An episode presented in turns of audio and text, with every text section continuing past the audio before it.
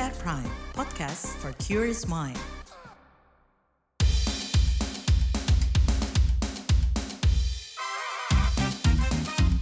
What's Trending KBR Pagi, siaran pagi radio paling update. Kamu mendengarkan What's Trending edisi khusus yang hadir setiap Jumat. Saya Don Brady. Obrolan kita hari ini soal proyek strategis nasional berbuntut konflik. Proyek strategis nasional jadi sorotan setelah publik dikagetkan dengan peristiwa kerusuhan di Rempang, Galang, Batam, Kamis 7 September lalu. Hari itu petugas gabungan dari Polri, TNI, Ditpam BP Batam, dan Satpol PP yang akan melakukan pengukuran lahan berhadapan dengan warga yang menentang pengembangan kawasan Rempang Eco City. Situasi menjadi kacau usai aparat melepaskan gas air mata untuk membubarkan massa. Pasca peristiwa itu, Rempang jadi mencekam. Anak-anak takut bersekolah. Warga berhenti melakukan aktivitas bertani dan melaut sebab takut rumah mereka hilang. Pengembangan kawasan Rempang Eco City telah mencuat sejak 2004. Saat itu pemerintah bekerja sama dengan PT Makmur Elok Graha sebagai mitra swasta dalam kerjasama dengan BP Batam dan pemerintah kota Batam. Tahun ini proyek itu masuk dalam program strategis nasional sesuai dengan Permenko Bidang Perekonomian RI nomor 7 tahun 2023. Integrasi kawasan industri, pariwisata, energi baru dan terbarukan atau EBT itu diharapkan dapat menggait investasi senilai 381 triliun rupiah pada 2080. Untuk memuluskan proyek, ribuan rumah warga yang terkena proyek strategis nasional itu rencananya akan direlokasi ke sebuah lokasi di Sijantung. Sebanyak 16 kampung adat terancam digusur. Warga keberatan. Ini seperti disampaikan perwakilan masyarakat adat Pulau Rempang, Adzani Agus, dalam diskusi bersama Walhi Riau berikut ini.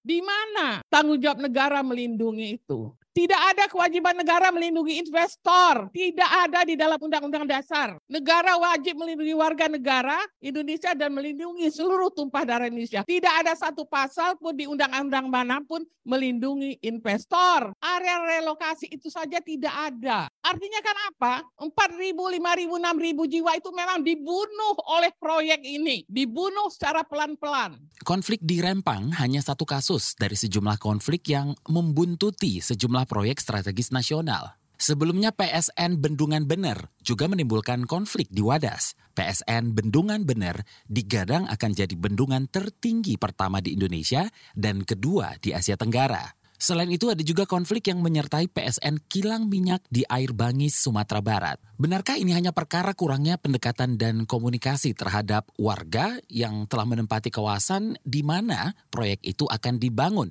seperti dikatakan Presiden Joko Widodo? Seperti apa pula evaluasi atas PSN yang sudah berjalan? Apakah manfaatnya betul bisa dirasakan oleh warga yang sudah berkorban untuk proyek tersebut? Nanti kita bahas bersama News Editor Wahyu Setiawan usai jeda.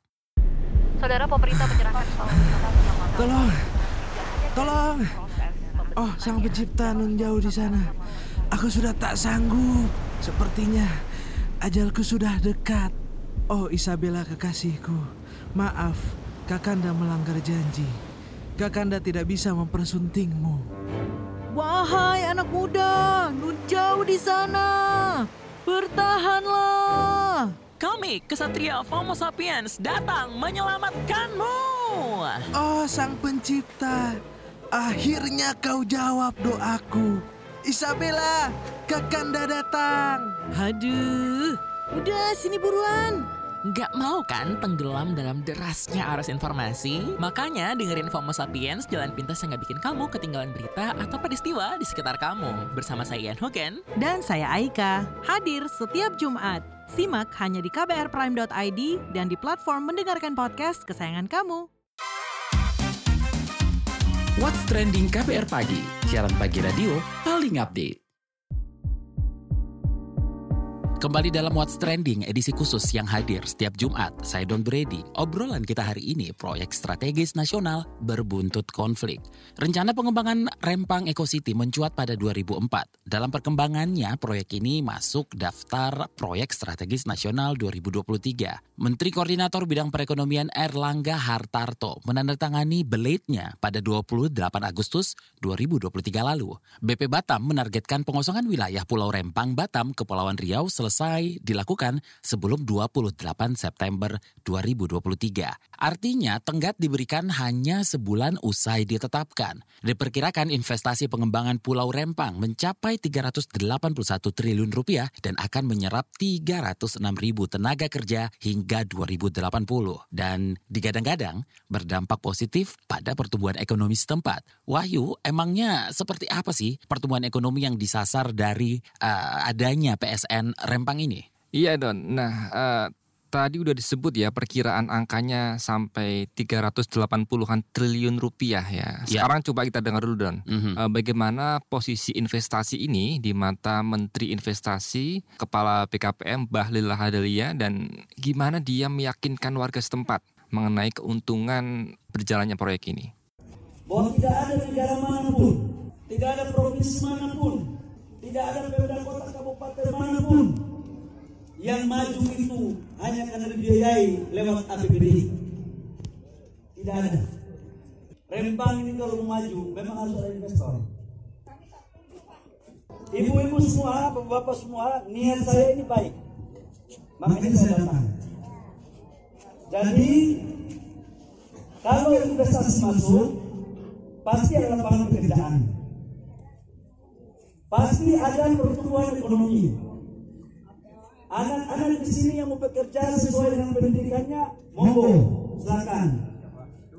Yang mau sekolah baik-baik kita sekolahkan supaya kelak mereka mengelola industri.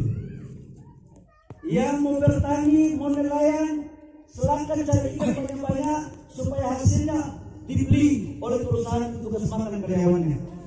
Nah di lapangan kan nggak semua menyambut niat itu dengan senang nih Wahyu.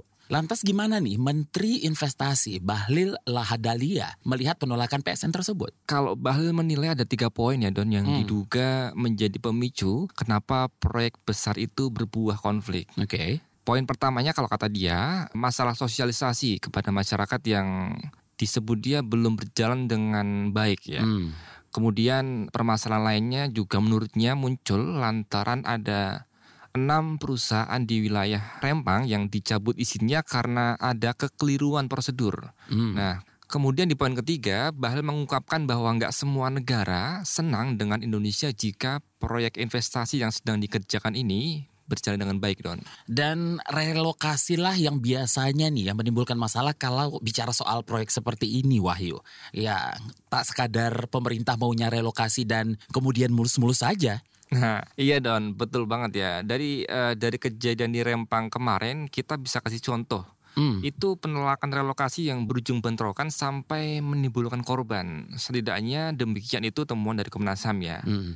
Berikut penuturan Komisioner Komnas HAM Prabianto Muktiwibowo saat diwawancara KBR. dari kunjungan lapangan memang kami melihat sendiri artinya mengkonfirmasi telah terjadi penembakan gas air mata di Jembatan 4 Pulau Rempang di mana di situ memang eh, berkumpul masyarakat warga Rempang yang menolak dilakukannya relokasi. Dan dari kejadian itu memang kami kunjungi juga dua sekolah yang selama ini eh, menjadi atau terdampak dari penembakan gas air mata tadi yaitu di SMP Negeri 22 dan SD Negeri 32 yang letaknya tidak berjauhan dari lokasi Jembatan 4. Dan dari penembakan itu memang mengakibatkan beberapa siswa terluka sehingga harus dirawat di rumah sakit setempat dan tentunya menimbulkan luka traumatis di kalangan siswa sehingga kalau mereka mendengar suara sirine misalnya dari mobil aparat mereka sekarang merasa ketakutan. Begitu juga melihat katakanlah kepolisian maupun TNI yang berseragam dengan mengendari kendaraan yang melaju di jalan raya mereka juga merasa ketakutan. Itulah barangkali adanya katakanlah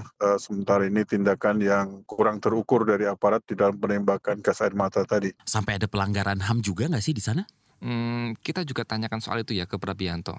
Prabianto sih mendukanya demikian, Don. Jadi yang pertama dugaan adanya pelanggaran HAM itu berkaitan dengan tindakan kepolisian yang kurang terukur. Kemudian juga kalau kita lihat kemarin kami di Desa Sembulang di mana ada tiga kampung Melayu tua yang menjadi prioritas untuk segera direlokasikan. Pada umumnya atau hampir semua warga menolak untuk dilakukan relokasi dan ini tentunya kalau dipaksakan oleh pemerintah untuk merelokasi mereka. Ini kita sebut dengan force eh, displacement atau penggusuran paksa dan ini tentunya melanggar dari norma HAM yang berlaku. Samping itu juga kita menerima pengaduan dari semua warga yang kita kunjungi telah terjadi intimidasi berupa kedatangan para petugas dari tim terpadu untuk memaksa masyarakat menandatangani persetujuan untuk relokasi. Dan itu dilakukan biasanya pada malam hari, tengah malam diketuk pintunya,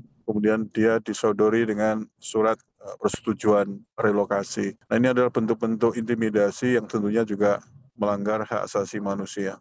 Oke, Hmm, dugaan pelanggaran HAM dan video bentrokan viral juga nih Wahyu. Bisa dilihat di mana-mana ya.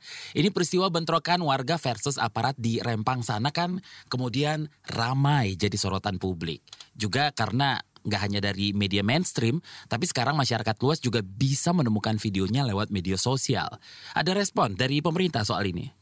Ya cukup viral memang ya. ya. Uh, kemudian Presiden Joko Widodo meminta aparat di sana tidak menggunakan tindakan represif dalam menangani konflik lahan di proyek strategis nasional pada umumnya ya. Hmm. Jokowi mengaku sudah menyampaikan instruksi itu ke Kapolri Listio Sigit Prabowo.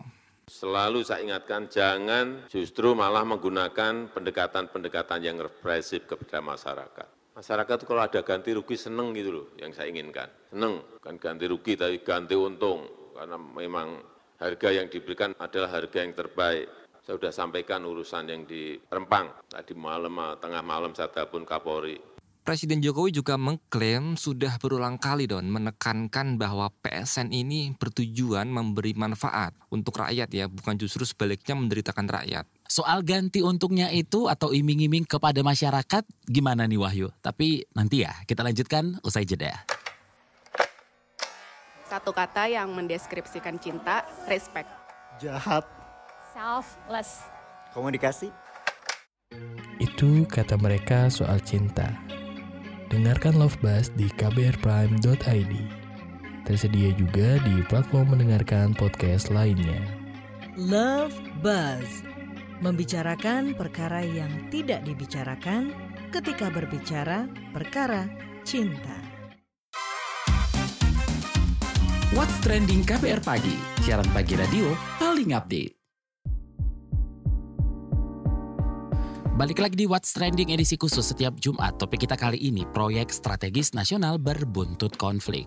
Wahyu menyambung yang tadi nih ya. Emang apa sih yang ditawarkan bagi masyarakat Rempang yang terdampak PSN itu? Iya Don, kepada warga setempat, Menteri Investasi Bahlil Lahadalia memberikan penjelasan seperti ini. Kita membuat kriteria. Kalau ada terjadi pergeseran kepada saudara-saudara saya, maka diberikan tanah 500 meter sertifikat hak milik. Yang kedua adalah rumah yang kita kasih tipe 45. Kurang lebihnya 120 juta. Dalam pembangunan rumah tipe 45 itu 120 juta. Tetapi kalau Bapak Ibu yang punya rumah, harganya bukan 120 juta, tapi ada yang 500 juta contoh. Itu akan dinilai oleh KJPP. KJPP ini lembaga independen yang menilai kalau katakanlah hasil penilaian benar 500 eh, juta, maka 120 juta ini dibiayai langsung dan ditambah lagi dengan 380 juta sehingga menjadi 500 juta rupiah. Jadi tidak ada yang dirugikan untuk urusan pergeseran. Yang ketiga, kalau bagi Bapak Ibu semua yang punya rumah, tanahnya di atas 500 meter, contoh 1000 meter, yang dikasihkan baru 500 meter. Maka 500 meternya juga dihitung sesuai dengan aturan yang berlaku untuk dibayarkan. Jadi yang lebih itu pasti dibayarkan sesuai dengan aturan yang ada. Kemudian dalam masa transisi, Bapak Ibu sudah melakukan pergeseran, itu kan bangun rumah itu kurang lebih sekitar 6 bulan sampai 7 bulan. Pertanyaannya adalah mau tinggal di mana dan siapa yang akan biaya hidup. Maka kita juga memutuskan per kakak itu berapa biaya sewa rumah satu juta dua ratus ribu rupiah sampai rumah jadi. Saya jaminannya tidak ada tidak ada faedahnya dan tidak ada kebaikan bagi saya untuk tidak komit kepada Bapak Ibu. Kalau sama investor sih masih saya pertimbangkan. Tapi saya tidak mungkin menzolimi ibu-ibu semua, Bapak Ibu. Yang kedua, setiap orang akan mendapat satu juta dua ratus ribu rupiah per orang per bulan. Jadi kalau dalam satu kakak ada empat orang, maka dia mendapat empat juta delapan ratus dia hidup di luar sewa rumah. Kalau sewa rumahnya satu juta dua ratus, maka dia mendapat enam juta. Asumsi per kakak empat orang. Sampai rumah jadi. Jadi kalau kalau satu tahun, ya satu tahun. Ada pertanyaan, uangnya dari mana Pak? Uangnya sudah disiapkan oleh Bapak. Dan akan kami melakukan tanda tangan yang sah untuk Bapak Ibu semua bisa percaya kejadian ini. Nah, Wahyu sebenarnya ya bisa nggak sih warga negara menolak uh, PSN yang ditetapkan oleh pemerintah? Soal bagaimana posisi warga, ada hak nolak nggak sih? Mm -hmm. Kepala Departemen Kampanye di Konsorsium Pembaruan Agraria KPA, Beni Wijaya dalam wawancara KBR mengingatkan soal aturan di Undang-Undang tentang pengadaan tanah bagi pembangunan untuk kepentingan umum. Di Undang-Undang nomor 2 tahun 2012 itu kan ada alur sebenarnya harus dilalui oleh pemerintah dulu, itu melakukan musyawarah dengan masyarakat yang terdampak oleh lokasi pembangunan. Nah di sana itu masyarakat berhak menolak rencana pembangunan jika mereka menganggap ini tidak memberikan nilai-nilai positif bagi kehidupan masyarakat lokal di sana. Tapi kita juga mesti melihat bahwa dalam menetapkan PSN itu kebijakannya dibuat top down. Untuk mendapatkan gambaran bagaimana sebuah kawasan diputuskan, coba kita simak pakar tata ruang dari Universitas Trisakti, Yayat Supriyatna yang sudah kita wawancara pada umumnya top down loh. Jadi kebijakan itu ditetapkan oleh negara, kemudian ya masyarakat ya mau tidak mau menerima karena dalam karakter penyusunan rencana tata ruang biasanya kalau dibuka ruang dialog itu repot, pasti ada resistensi terlebih dahulu.